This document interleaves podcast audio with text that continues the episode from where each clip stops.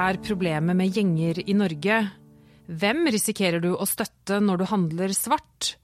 Og politiinspektør Eivind Borge tenker tilbake til 4.6.1997. Både så husker jeg at det smalt så mye at eh, selv om jeg bodde et godt stykke unna, så rista det i den blokka jeg bodde. Og jeg gikk i vinduet og så at eh, flammene steg opp fra Konnerudgata i Drammen. Eh, og like etterpå så, ringte, så peip det på personsøkeren, og da ble vi bedt om å ringe til, til kontoret i Oslo. da.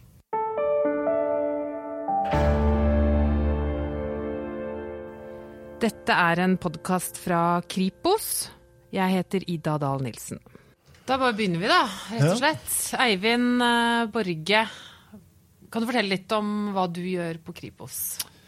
Ja, eh, jeg er avdelingsleder.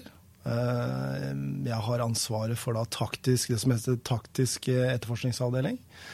Eh, vi er ca. 160-70 stykker i dag. Jeg har hatt en ganske stor vekst de seneste årene. Primært så driver avdelingen med etterretningsarbeid og etterforskningsarbeid. Og da innenfor mange typer områder og felt. For du har jo ansvaret for alt fra kalde saker, nye saker, drap, mm. voldtekter, internettovergrep organisert kriminalitet, kanskje kjærlighet med gjengbekjempelse, har du vært uh, særlig opptatt av uh, de siste månedene. Hvorfor det? Mm.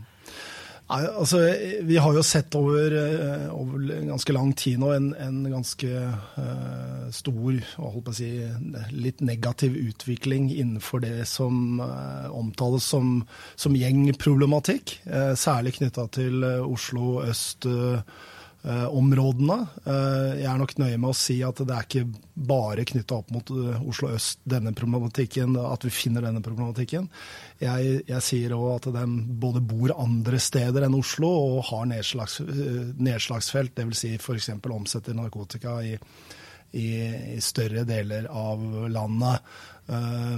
Sånn at eh, den utviklingen vi har sett, og, og det omfanget vi, vi, vi, ser av denne kriminaliteten de representerer, det har vært viktig, tenker jeg òg, både for Kripos og, og mer sånn eh, på et nasjonalt nivå, å ta tak i, rett og slett. da. Vi har jo vært litt selvkritiske internt her på at vi har kanskje vært litt for utydelige om hva som er vår rolle når det gjelder gjengbekjempelse. Mm. Hva er Kripos' rolle?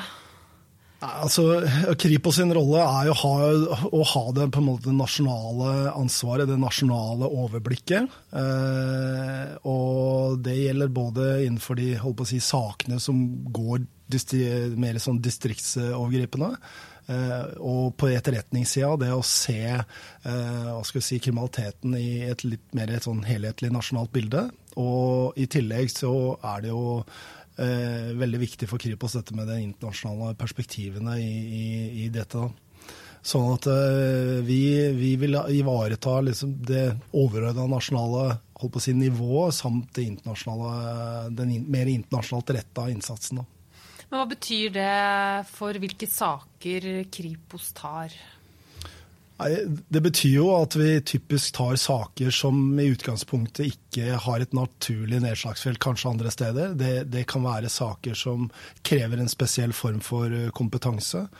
Eh, det kan være saker som har liksom klare internasjonale forgreninger. Eller det kan være rett og slett metodekunnskap som vi ønsker selv å, å, å utvikle, som gjør at vi favner eh, saker.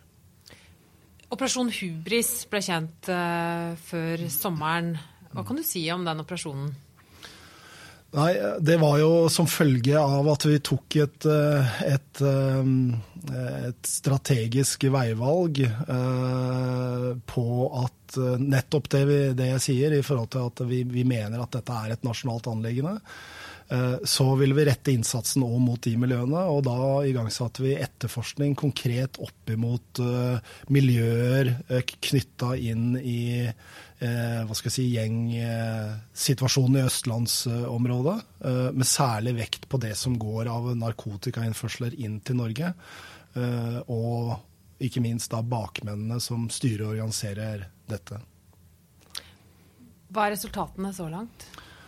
Vi, jeg sier og har sagt at vi har oppnådd veldig gode resultater på kort tid her nå. Det, det tør jeg holdt på å si og påstå. Og vi har hatt eh, store beslag på kort tid. Eh, over tre tonn eh, hasj er vi oppe i nå. Vi har òg tatt beslag i andre typer narkotiske stoffer.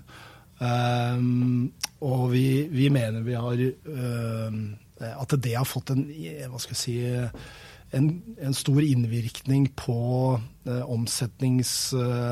omsetningen av narkotika inn i disse miljøene og økonomien til disse miljøene, det føler vi oss ganske trygge på.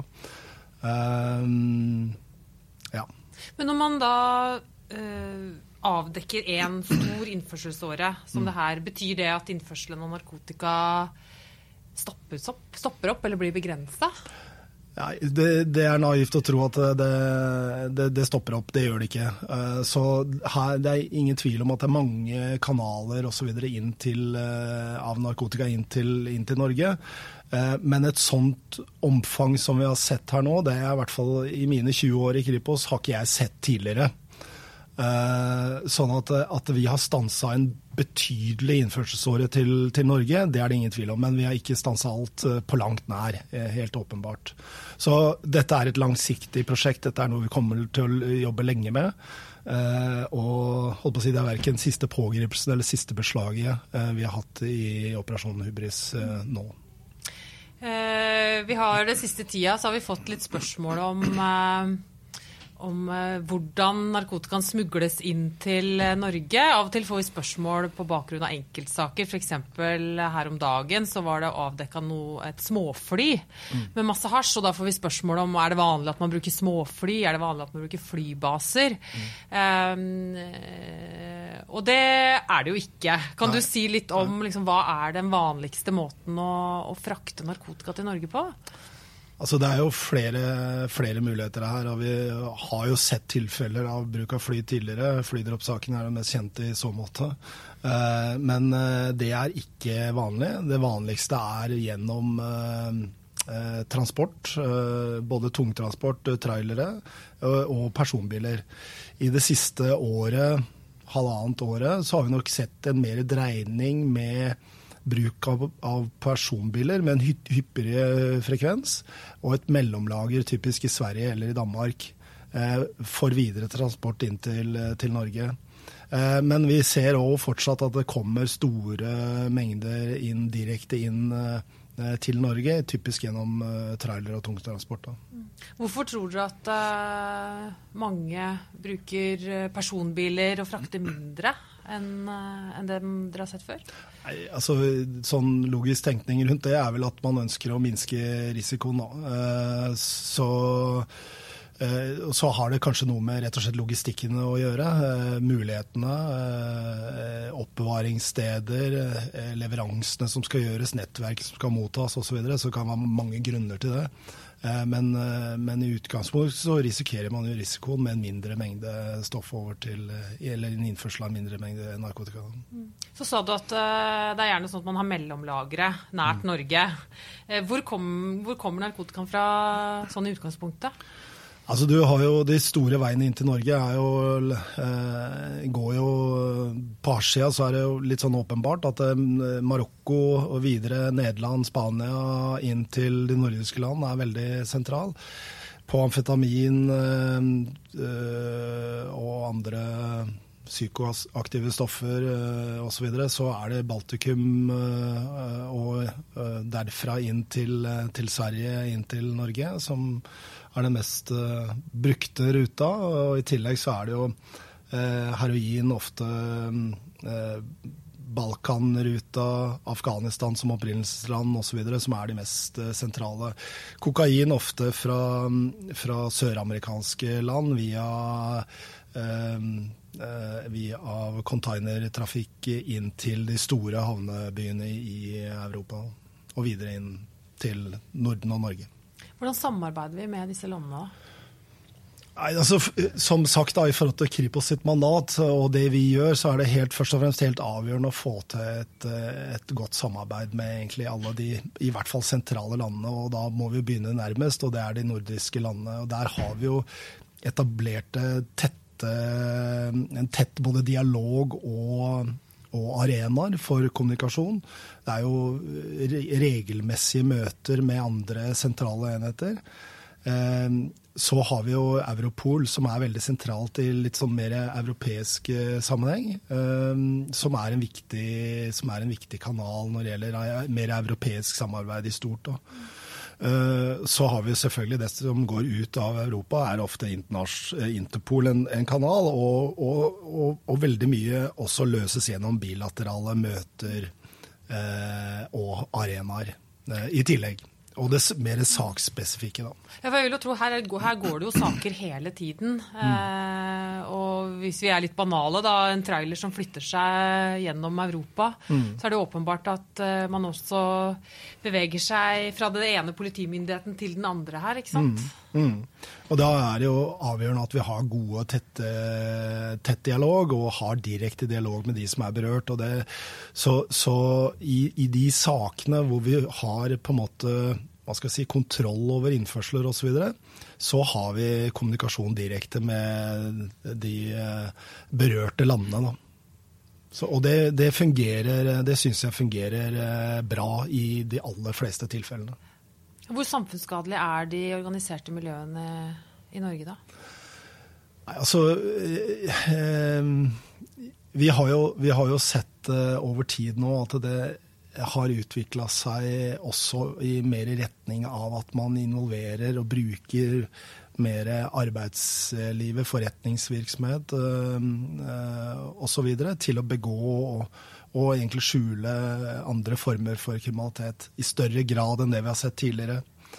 Eh, derfor så, så, mener jeg at um, det er um, de utgjør en, en, en, Det er en risiko i hvert fall for å utgjøre en større samfunnsskadelig eh, ha en større samfunnsskadelig innvirkning enn det man har hatt, eh, hatt tidligere. Vi ser òg at eh, det er en økt fare for korrupsjon. Vi ser at man bruker i større grad andre profesjonelle aktører til å skjule kriminaliteten. Eh, og da er det yrker som advokater osv. som jeg tenker på. Eh, som gjør at eh, innvirkningen mot samfunnet er større i dag enn det var, eh, var tidligere. Vi ser jo at de altså, organiserte kriminelle nettverk i dag er, er multikriminelle miljøer. Dem går etter profitt, og det er pengene der man kan hente penger. Og da bruker man alle former for kriminalitet. Men narkotika er fortsatt Eh, veldig sentral, og det ser vi ikke minst gjennom Operasjon Hubris eh, og de beslagene vi har gjort nå, at eh, det er fortsatt en, en, en veldig viktig inntektskilde for de organiserte miljøene. Mm. Um, når vi snakker om dette med arbeidsmarkedskriminalitet, som du var inne på, så har jo det også en side mot menneskehandel. Mm. Som er et annet vanskelig område å jobbe mm. med for uh, norsk politi. Så mm. ærlig må vi være. Mm. Hvorfor er det så vanskelig? Nei, altså, Det er jo mange perspektiver i, i de sakene med menneskehandel. Og, og, det er jo sånn at uh, det berører Ofte så blir andre uh, Hva skal jeg si mennesker fra andre land berørt av det, og typiske land med, med, svake økonomiske ressurser og andre, helt andre, kommer fra helt andre forhold enn det vi er vant med i Norge. Ofte så har de òg et annet eh, et annet syn på politi eh, osv. Så videre, sånn at det er veldig lite informasjon eh, fra ofre for menneskehandel som kommer egentlig inn til politiet. Så må vi nok være ærlige og si at politiet ikke alltid klarer å ta på de offerbrillene godt nok heller. Eh, vi må nok bli flinkere til å identifisere ofre for menneskehandel. Eh, og se egentlig litt sånn bak kanskje det enkeltstående forholdene, for å se situasjonen til vedkommende og, hva, eh, og hvilken situasjon han eller henne befinner seg i. samtidig så, så, så, er det jo så, så er det ganske strenge krav til uh, for å få dømt noen ganske strenge krav for å få dømt noen for menneskehandel i, i, i, Norge. Og ofte så vil ikke disse som utnytter disse menneskene, har, har behov for egentlig å bruke tvang eller bruke vold eller lignende for å få dem til å være en del av den kriminaliteten de utøver. Det holder egentlig med å gi dem egentlig greie levevilkår, kanskje til og med litt penger. Eh, Eh, og en køtt av hele kaka. Eh, for at de skal få de inntektene de ønsker. Og da er det vanskelig å kunne si Eller da er det vanskelig å gå i retten og, og, og bevise at dette her er, dette er en, en menneskehandelssak, rett og slett. For vi mener jo i noen tilfeller at det likevel er en utnyttelse av mennesker. Ja, det, vi ser jo det at nettopp dette er sårbare mennesker fra andre land. Uh, sårbare i den forstand at de har andre og mindre økonomiske ressurser. En del av dem er hva skal jeg si har store utfordringer knytta på både mot alkohol og rus osv. Så, videre. så Så dette er utnyttelse av sårbare mennesker, det er ingen tvil om. Men nødvendigvis å kunne bevisføre at dette her er menneskehandel, det, det, det, det klarer vi ikke i, i alle saker. Eh, og det er, det er, ut fra beviskravene i dag, så er det heller ikke, det heller ikke menneskehandel. Men, eh, men eh, at det er en grov utnyttelse av sårbare mennesker, ja, det vil jeg si det er. Hva vil du si til folk som har typisk svart hushjelp, og tenker sånn ja, men alle har svart hushjelp?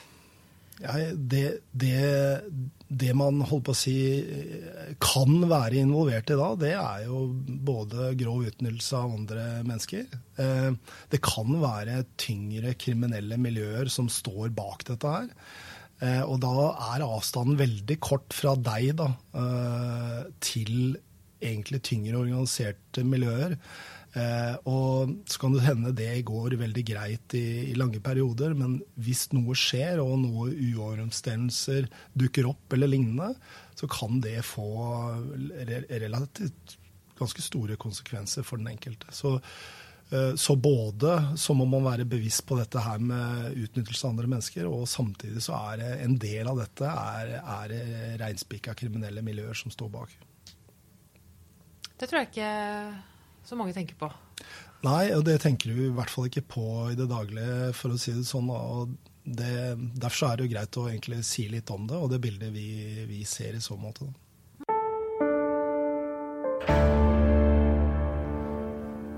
Husker du hva som skjedde 4.6.1997?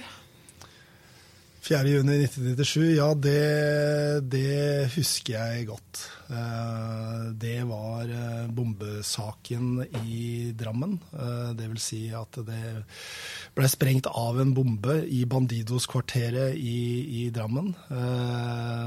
Hvor et menneskeliv da gikk tapt som følge av, av det. Hvem var det som døde? Det var en tilfeldig, ei tilfeldig forbipasserende eh, som ble eh, råka ramma av den bomba som da gikk av i, i, dette, i, dette, huset. Hvem var det som sto bak?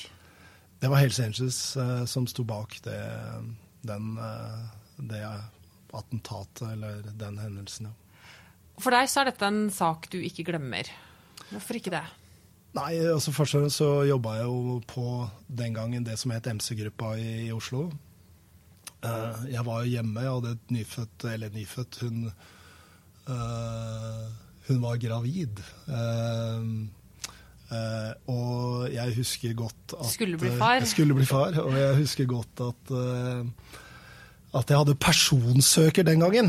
Da hadde vi ikke mobiltelefoner, men personsøker. Og jeg husker at både så husker jeg at det smalt så mye at eh, selv om jeg bodde et godt stykke unna, så rista det i den blokka jeg bodde. Og jeg gikk i vinduet og så at eh, flammene steg opp fra Konnerudgata i Drammen. Eh, og like etterpå så, ringte, så peip det på personsøkeren, og da ble vi bedt om å ringe til, til kontoret i Oslo. da. Så, så tok det heller ikke lang tid før jeg var nede i, i Konnerudgata. Eh, og gikk egentlig i glass eh, og ulende sirener eh, og et veldig kaotisk bilde som, som, møtte meg der, og alle de som var til stede der. Og det var nærmest en litt sånn krigsskueplass. Eh, så det var veldig spesielt. Og så jobba du med denne saken. Mm. Eh, kan du si litt om eh, hva den saken gjorde med eh, MC-miljøene i Norge og politiets tilnærming til dem? Altså Det hadde jo pågått en, en nordisk MC-krig, som vi kalte det, over, over, ganske mange år da. Og den fikk jo sin ende som, som følge av den, av den, hendelsen og den saken. Etter det så møttes jo på en måte han Helsenses og Bandido, som var de fremste i så måte, og, og man inngikk eh, en, en, kontrakt og, og, nærmest slutta fred som følge av saken. Uh, I tillegg så, så, så man, fikk man jo over tid mye oppmerksomhet, og, og, det gjorde man også gjennom den saken. Og det medførte jo et stort fokus mot MC-kriminalitet, og hadde gjort uh, for så vidt uh, over tid. samtidig så var jo saken i seg sjøl veldig veldig spesiell på mange måter. Da. og vi klarte jo ikke å løse den i første omgang. Den blei jo gjenopptatt, og hvor vi fikk hvor vi da til slutt fikk en, en, en rettskraftig dom i annen runde kan du si, av den saken. Hvorfor var den så vanskelig å, å oppklare, når man sto med to miljøer som åpenbart eh, kjempa mot hverandre? Det var jo med bakgrunn i mye av det vi så den gangen, og for så vidt ser i dag, at det er jo vanskelige miljøer å jobbe opp imot. Og det er, det er lite informasjon ofte å hente fra disse miljøene. Og det er vitner og fornærmede til og med, og, og som, ikke som, ikke vil snakke. Så det er, det, er, ofte vanskelige saker å, å løse, og det krever andre metoder. Eh, for ofte å, å, komme i mål med de sakene eh, enn en andre mer tradisjonelle saker. Har vi problemer i Norge med kriminelle MC-gjenger også i dag? Ja, jeg mener jo det. Og jeg Vi har jo over tid jobba opp imot disse miljøene, og, og når vi har sett når vi, når vi setter særlig fokus på dem. Både så er det jo saker som avdekkes eh, hva, skal jeg si, fortløpende opp imot disse miljøene, eh, ofte narkotikasaker. Eh, og så er det jo, har vi satt særlig satsinger mot, mot, de miljøene. Og når vi har gjort det, så ser vi og avdekker vi jo grove former for, for kriminalitet. Um, og, og, vi ser jo i dag f.eks. at vi har MC-knytninger opp imot gjengsituasjonen og gjengmiljøene i Oslo, som gjør òg at eh, hva skal vi si, den trusselen som de eh, utøver, den, den, den, står seg også i dag. For det, eh, det, hvis, hvis, vi snakker om den saken eh, fra 1997, da, da var det liksom mm. den gjengen som kjempa mot den gjengen. Mm. Eh, I dag så ser vi former for samarbeid på kryss og tvers på en annen mm. måte. Kan du si litt om det? Altså det, er, det, er, jo liksom kjennetegnet for, for, alle disse organiserte kriminelle miljøene nå. Da. Altså man, man samarbeider på kryss og tvers eh, i, i den med den hensikt å tjene mest mulig penger. Dvs. Si at man, man, samarbeider med vedkommende når man, har, når man kan skaffe narkotika til en rimeligere penge eller en bedre kvalitet osv. Dvs. Si at de shopper mer tjenester på tvers av nettverk og grupperinger enn det de gjorde, gjorde tidligere. Alt avhengig av hvor de kan hente rett og slett mest mulig, mulig profitt. Og det ser vi også knytta opp mot uh, disse miljøene. Så klarer man å samarbeide om noe og tjene penger på det, så kan man jo være villig til å gjøre det. Men når vi likevel har sett da, særlig Oslo østlandsområdet, mm. skyteepisoder mm. eh, Da skyldes vel det at man igjen har konflikter mellom kriminelle miljøer. Stemmer mm. ikke det? Jo, helt åpenbart at det er det. Mm. Så det, Kan du beskrive litt det? Det er eh, samarbeidet versus disse spenningene mm. som oppstår? Altså det, det, kan, det, kan, jo være mange eh, årsaker til, til, disse spenningene og disse skytingene vi har sett, eh, sett i de seinere årene, årene i Oslo. Eh, noe kan ligge langt tilbake i tid, mens andre kan være uoverensstemmelser knytta opp mot uh, omsetning av narkotika, typisk osv. Så, så det er, det, er mange, det er, nok mange grunner til det. Uh, men, men, men, men uh, at det også skyldes hva skal vi si, mer litt sånn territoriale konflikter om omsetning av narkotika. Det er i hvert fall sånn vi ser bildet. Det er ikke så lett å være venner når man skal holde på med kriminelle handlinger, og det er mye penger i omløp, og, og, og, de skal få dette her til å flyte.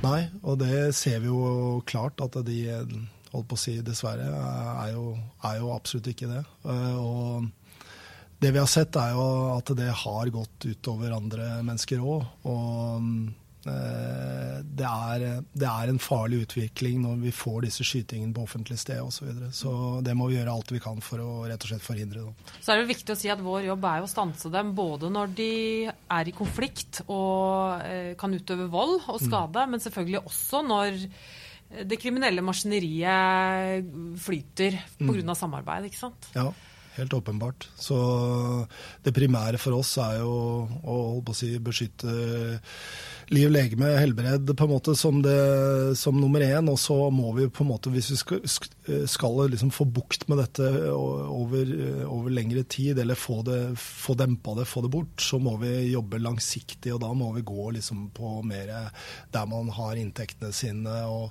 og grunnlaget for å på en måte operere som man gjør. da. Altså disse, disse, er kyniske kriminelle. Eh, bakmenn som utnytter både andre mennesker og, og si, bruker kriminalitet for å skaffe egen inntekt. Eh, og da, da, er det ikke hva skal vi si, holdningsskapende arbeid eller, eller kontrolltiltak opp mot, mot forretningsvirksomhet eller lignende. Det er ikke virkemidler som biter egentlig på de miljøene.